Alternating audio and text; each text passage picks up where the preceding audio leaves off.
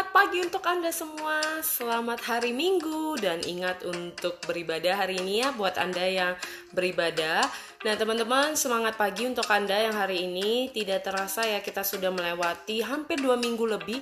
Bahkan untuk Sinci aja juga hampir lewati ya untuk belasan hari dan tersisa lagi seminggu Sinci akan berakhir. Teman-teman, hari ini aku mau sharing tentang pengalaman bagaimana semalam aku mengikuti kontes secara area di mana kontes secara internasional yaitu klub Toastmaster di mana klub mengembangkan diri dalam berbicara di depan di depan orang, di depan orang banyak yaitu dia kayak pidato dipersiapkan, pidato dadakan dan Anda penilai setiap contoh pembicara. Nah, teman-teman, bersyukurnya selama pandemik ini inilah kegiatan yang selalu saya lakukan di saat weekend saya yang sudah saya cerita kegiatan saya apa dan aktivitas positif apa yang saya lakukan. Karena bukan hanya investasi leher ke atasnya aja secara teori, namun ilmu-ilmu inilah yang saya pakai untuk berbagi di dalam kelas online saya, berbagi buat tim saya dalam menjalankan bisnis saya juga.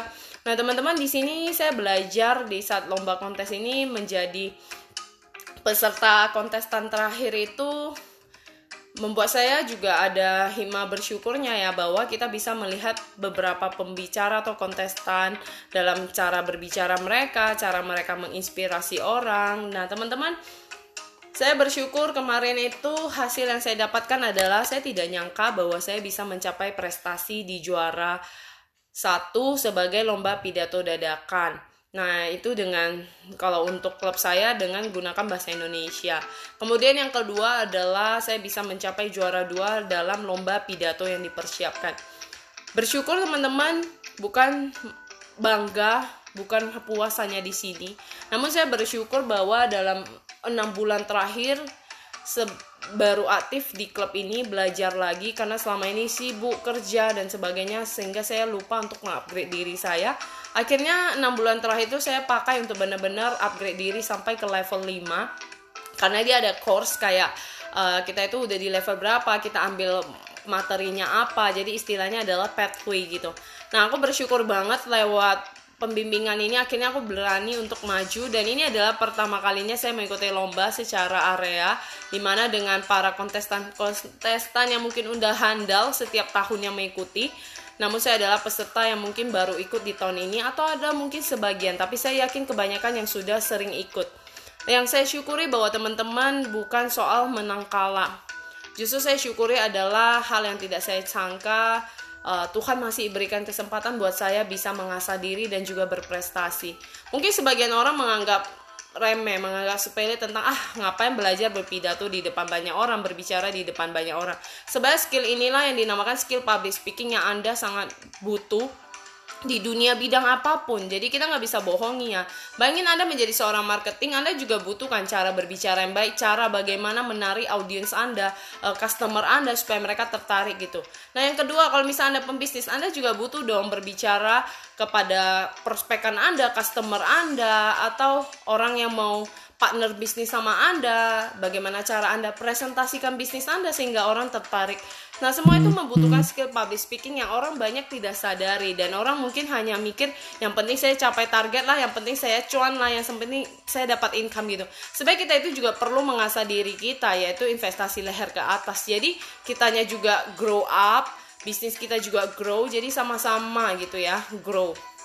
Nah, teman-teman dari dari lomba ini saya jadi belajar bahwa saya itu perlu mengasah diri terus menerus. Jadi saya akan melatih diri tahun ini yaitu target saya adalah di klub bahasa Inggris. Jadi di bagian training and coaching.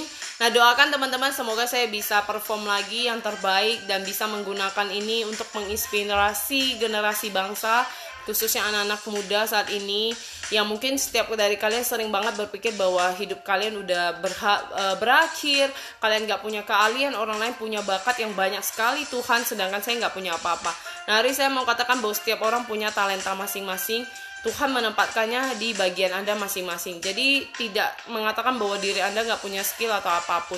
Justru setiap orang diciptakan Tuhan itu spesial. Jadi teman-teman teruslah belajar mengupgrade diri yang saya mau sharingkan dari pengalaman lomba saya adalah bukan melihat karena banyaknya saingan sehingga kita jadi down, kita menyerah.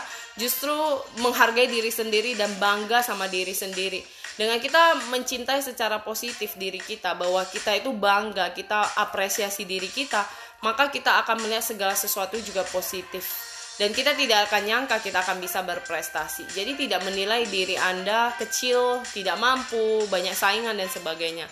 Sempat terpikir oleh saya namun saya belajar akhirnya mengintrospeksi diri. Apakah saya pasti jauh masih jauh dari mereka? Tapi saya percaya jika saya memberikan yang terbaik saya tahu kapasitas saya sampai mana dan saya lakukan yang terbaik saja ya I did it and great gitu ya jadi so buat teman-teman ayo coba lakukan apa yang menjadi bakat talenta kalian tidak harus berbicara mungkin dengan skill public speaking namun kalian bisa belajar ini menjadi modal utama kalian untuk mengasah diri kalian di talenta bidang kalian masing-masing. Semangat pagi, semangat hari Minggu, tetaplah produktif dan teruslah menginspirasi banyak orang.